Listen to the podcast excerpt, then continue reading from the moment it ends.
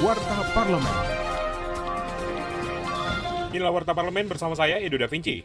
Ketua DPR RI Puan Maharani memberi perhatian khusus terhadap perlindungan anak-anak yang kehilangan orang tua akibat keganasan COVID-19. Pemerintah menurutnya harus memiliki data khusus terkait anak yatim atau piatu tersebut untuk kemudian memberikan perlindungan kepada mereka. Politisi fraksi PDIP dari Dapil Jawa Tengah 5 ini menekankan negara hadir memberikan perlindungan yang tepat terhadap anak-anak yang kehilangan orang tua karena pandemi COVID-19. Warta Parlemen. Anggota Komisi 9 DPR RI Kurniasi Mufidayati menilai evaluasi PPKM darurat berbasis level harus menggunakan indikator dari Organisasi Kesehatan Dunia atau WHO. Selain evaluasi berbasis data kesehatan dari WHO, politisi PKS itu juga berharap pemerataan vaksinasi menjadi perhatian serius pemerintah. Data terkini menunjukkan vaksinasi dosis kedua baru mencapai 20 juta lebih penduduk atau setara 9,86 persen dari target sasaran vaksinasi minimal 70 persen penduduk di akhir 2021. Informasi lebih lengkap kunjungi website dpr.go.id.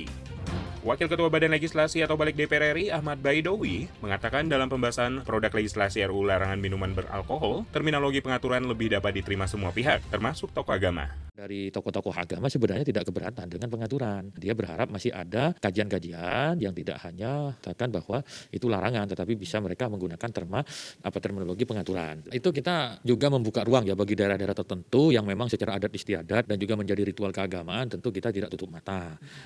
Televisi Radio Parlemen.